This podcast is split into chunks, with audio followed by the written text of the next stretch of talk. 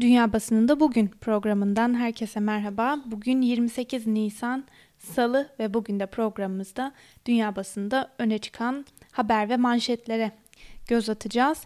Bültenimize Euronews'ta yer alan ve Türkiye'yi de ilgilendiren bir haberle başlayalım. Dünyada askeri harcamalar Soğuk Savaş'tan bu yana en yüksek seviyeye ulaştı. Başlıklı habere göre Stockholm Uluslararası Barış Anlaşmaları Enstitüsü 2019 yılı silahlanma harcamaları raporunu açıkladı.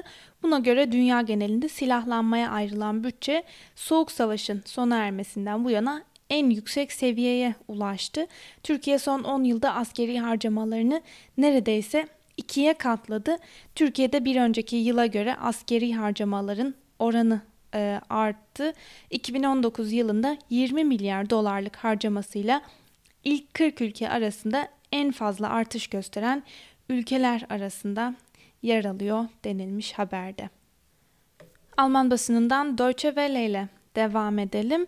Alman ekonomisinde tarihi küçülme beklentisi başlıklı habere göre Alman hükümeti koronavirüs krizi nedeniyle Alman ek- ekonomisinin 6.3 oranında küçülmesini bekliyor.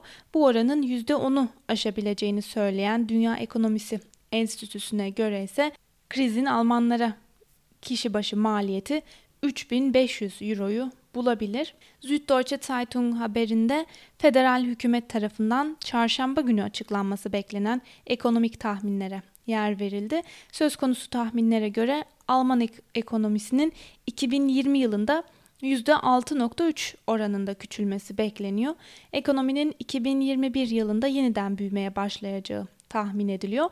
Ancak tahminlere göre kayıpların tamamıyla telafi edilebilmesi de söz konusu olmayacak. Ekonomik küçülmenin dip noktasına ise hali hazırda ulaşılmış durumda olduğu düşünülüyor ve Almanya'nın yürürlüğe soktuğu dev ekonomik kurtarma paketine rağmen çok sayıda şirketin iflas etmesi ve 3 milyon kişinin de işsiz kalması bekleniyor. Hükümet ayrıca koronavirüs nedeniyle vergilerden elde edilen gelirin 82 milyar euroda azalacağını tahmin ediyor denilmiş haberde. Alman hükümetine maske eleştirisi başlıklı bir diğer habere göz atalım. Almanya'nın birçok eyaletinde bugünden itibaren toplu bulunulan yerlerde maske zorunlu hale geldi. Dünya Tabipler Birliği Başkanı FFP2 tipi maskeleri zamanında temin edemediği gerekçesiyle hükümeti ihmalkarlıkla suçladı. Öte yandan Alman gazeteleri Alman hükümetinin salgınla mücadele önlemlerini gevşetmeye yönelik adımlarını ve maske takma zorunluluğunu gündemlerine taşıdı. Örneğin Hannoversche Allgemeine Zeitung gazetesi Almanya'da koronavirüs salgınıyla mücadele için yürürlüğe sokulan önlemlerin gevşetilmesi tartışmalarını mercek altına aldığı yorumunda şu görüşleri aktardı. Almanlar olağanüstü önlemler döneminde sergiledikleri eşi benzeri görülmemiş bir dayanışmayı tam aksi istikamete kaymadan önlemlerin gevşetilmesi sürecinde de sergilemeliler. Kimi provokatörler Merkel gitmeli söylemlerine başladılar bile. Başbakanın öngörüsünün tamamıyla abartı olduğu ortaya çıkmış. Oysa alınan önlemler pek çok ülkenin aksine büyük bir virüs dalgasının hızının kesilmesini sağladı demiş. Merkişe Oder Zeitung gazetesi ise maske takma zorunluluğunu şöyle irdeliyor. Maske zorunluluğu daha çok Almanya Federal Cumhuriyeti'nin normalleşme sürecine girmesini kolaylaştıracak görsel bir sembol niteliğini taşıyor. Temel veriler ve bilgilerde hiçbir değişiklik olmamasına rağmen toplumsal hayatın yeniden canlandırılması başka nasıl gerçekleştirilebilirdi ki? Çünkü bunun için bir aşı ya da bir ilacın bulunması gerekirdi. En azından yeterli sayıda test ve enfeksiyon zincirini tanımlayacak bir uygulama. Hiçbiri yok. Ancak siyasetçiler hayatın bir şekilde devam etmesi gerektiği gerçeğinden kaçamıyorlar. Bu nedenle hepimiz aslında çok da işe yaramayacak olan maskeleri takmaya hazırız. Tıpta buna placebo yani ilaçmış gibi verilen etkisiz madde teselli ilacı deniliyor. Ama hiç olmazsa maskelerin bize bir zararı yok denmiş. Badische Zeitung'da maske zorunluluğunu yorum sütununa şu sözlerle taşıdı. ağız ve burnu kapatmanın koruyucu işlevselliği konusundaki şüpheler sürüyor ama görünen o ki salgının önlenmesine sadece dolaylı katkı sağlayabilecek olsa da bu kabul görüyor ve Darmstädter Eko gazetesi ise ikinci bir dalga riskini şu sözlerle değerlendirmiş. Ekonomi büyük bir şans sayesinde ilk korona dalgasını atlatabilecek. Oysa bizleri yeniden evlere girmeye zorlayacak ikinci bir dalga bizler için yıkıcı olur denmiş yazıda. İtalyan basınından The Local'la devam edelim. İtalya'da yoğun bakım ünitelerinde tedavisi devam eden hastaların sayısının 2000'e düştüğü duyurulmuş. Habere göre ülkedeki vaka artış oranları azalma eğilimi göstermeye başladı. Bu da beraberinde yoğun bakımda tedavi gören hastaların sayısının azalmasına neden oldu. Bu gelişmeyle beraber hastaneler üzerindeki baskı da azaldı denilmiş haberde. Fransız Le Monde gazetesi hükümetin uygulamayı koymayı planladığı Covid-19'u durdurun adlı mobil uygulamayı gündemine taşımış. Hükümet bu uygulamayla birlikte virüsün yayılımını hem takip etmeyi hem de virüsü kontrol altında tutmayı hedefliyor. Hükümetin bu uygulamayı gündemine aldığı günden bu yana ülkede bilim, siyaset ve tıp alanında tartışmaları da beraberinde getirdi. Hükümet bugün ve yarın konuya dair yapacağı toplantılarla projenin uygulanması ve detaylarıyla ilgili karara varacak. 25 Nisan'da Le Monde 60 bilim insanı, epidemiyolog ve sağlık uzmanı tarafından ortak yayınlanan bir kö- köşe yazısıyla bu tür bir teknolojinin salgınla mücadelede önemli olacağını ve bunu desteklediklerini açıklamıştı. Aynı şekilde 20 Nisan tarihinde de benzer bir destek yazısı da hükümetin sağlık kurulundan gelmişti. Ama buna karşılık son günlerde de özellikle yazılım uzmanları bu tür uygulamaları sert bir dille eleştiriyorlar. Uzmanlar bu, bu tür teknolojilerin gelecekte insanların özel hayatlarını ihlal edeceği ve kişisel özgürlüklerini kısıtlayacakları konusunda uyardı denmiş haberde. Bültenimize İngiliz yayın kuruluşu BBC'de yer alan bir haberle devam edelim. Covid-19 hastalığının seyri ağırlaşıp Nisan başında yoğun bakıma alınan Boris Johnson 3 hafta sonra görevine geri döndü. Johnson ilk açıklamalarında sokağa çıkma kısıtlamalarını kısa zamanda sonlandırmayı düşünmediğini söyledi ama bir net bir tarihte vermedi. Downing Street'teki Başbakanlık konutunun önünde konuşan Johnson, ekonominin olabildiğince hızlı şekilde canlanmasını istiyorum. Ancak İngiliz halkının yaptığı fedakarlığı çöpe atmayı ve ikinci defa zirveyi görme riskini de reddediyorum dedi. Bir yandan da İngiltere Avrupa Birliği'nden ayrılışının koşullarını belirleyecek bir Brexit geçiş süreci yaşıyor. İnternet üzerinden son Brexit görüşmeleri Cuma günü yapılmıştı ve her iki tarafta ilerleme sağlanamamasından birbirini sorumlu tutmuştu.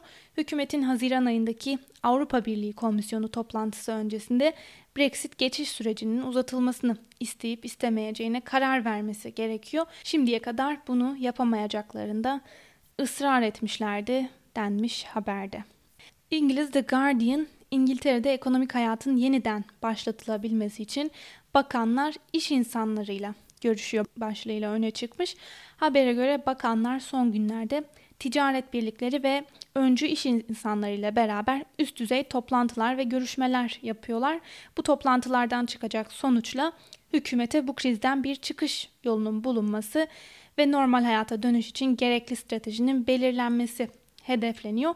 Görüşmelerde evine kapanan milyonlarca çalışanın risksiz, baskısız işe dönmesi için atılması gereken adımların da belirlenmesi bekleniyor.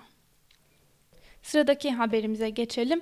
ABD'de sokağa çıkma kısıtlamalarına direnenlerin sayısı neden çok fazla?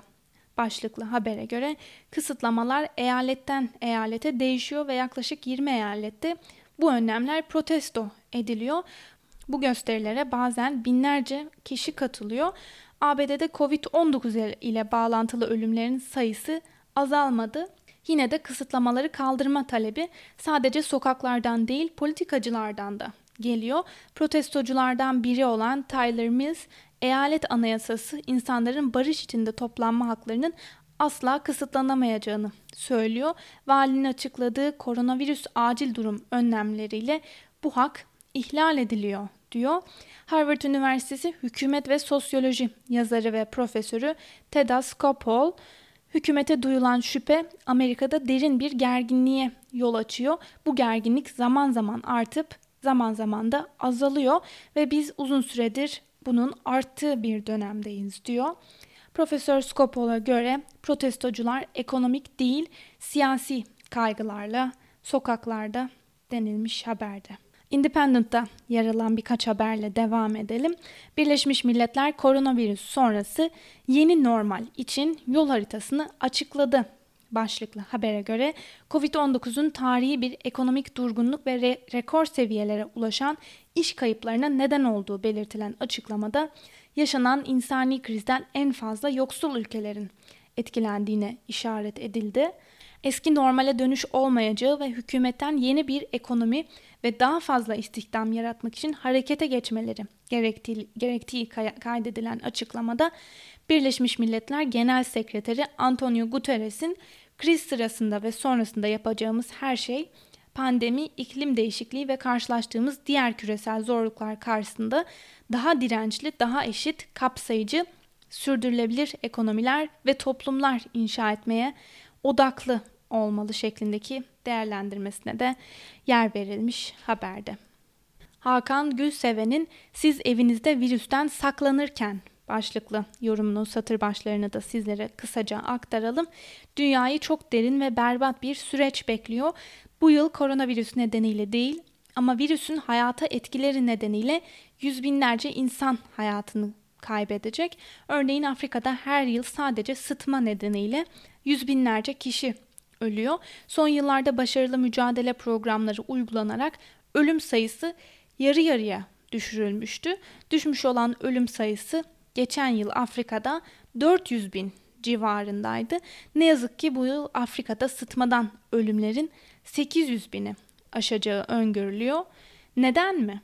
Birincisi koronavirüs tedbirleri nedeniyle sıtmaya karşı mücadelede kullanılan ekipmanın tedarikinde sıkıntılar yaşanıyor. Bunun içinde sivrisineklere karşı kullanılan sineklikler de var.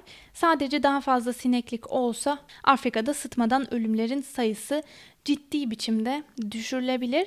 Bir başka trajedi ise ilaç sıkıntısı. Şimdi sıtma ilaçlarının koronavirüse iyi geldiği gibi bir bilgi yayıldı. Dünyanın zenginleri ne olur ne olmaz diye sıtma ilaçlarını sandıklarına üst üste yığıp stok yapıverdi. On yıllardır insanlığın geri kalanı Afrika'nın akıbetiyle zaten pek ilgilenmiyordu. Koskoca kıta insanlığın gündeminden çıktı. Şimdi dünyada birkaç yüz bin kişinin koronavirüsten ölebilme ihtimaline karşı alınan tedbirler Afrika'da fazladan 400 bin kişiyi kesinlikle öldürecek. Bugün dünyanın her yerinde 821 milyon insan her gece aç yatıyor, savaşlar sürüyor, iklim değişimi nedeniyle yaşanan doğal felaketler de büyüyor. Tüm bunlara bir de virüsün dünya ekonomisi üzerindeki basıncını eklediğimizde önümüzdeki iki yıl için geri çevrilmez bir trajediyi öngörmek mümkün. Dünyayı bir yana bırakalım. Türkiye'nin nasıl bir hazırlığı var? Aklı selim özellikle tarımsal üretimden başlayarak acil ve net tedbirler alınması gerektiğini gözümüzün içine sokarken bizde günü kurtarma projelerinden başka bir şey görünmüyor. Ha haklarını yemeyelim bir de Salda Gölü'nün kumlarını taşıyorlar demiş Hakan Gülseven yazısında. Bültenimize Amerikan basından Voice of America ile devam edelim. Trump'ın basın toplantıları tartışma konusu. Başlıklı habere göre Başkan Donald Trump'ın salgın sürecini nasıl yürüttüğü büyük bir tartışma konusu haline geldi. Basın toplantılarında zaman zaman muhabirlerle sert diyaloğa giren Trump seçim propagandası yaptığına dair eleştiriliyor. İlk önceleri virüsü yeterince ciddiye almamakla suçlanan Trump, virüsün bir anda havaların ısınmasıyla beraber ortadan kalkacağını belirtmişti.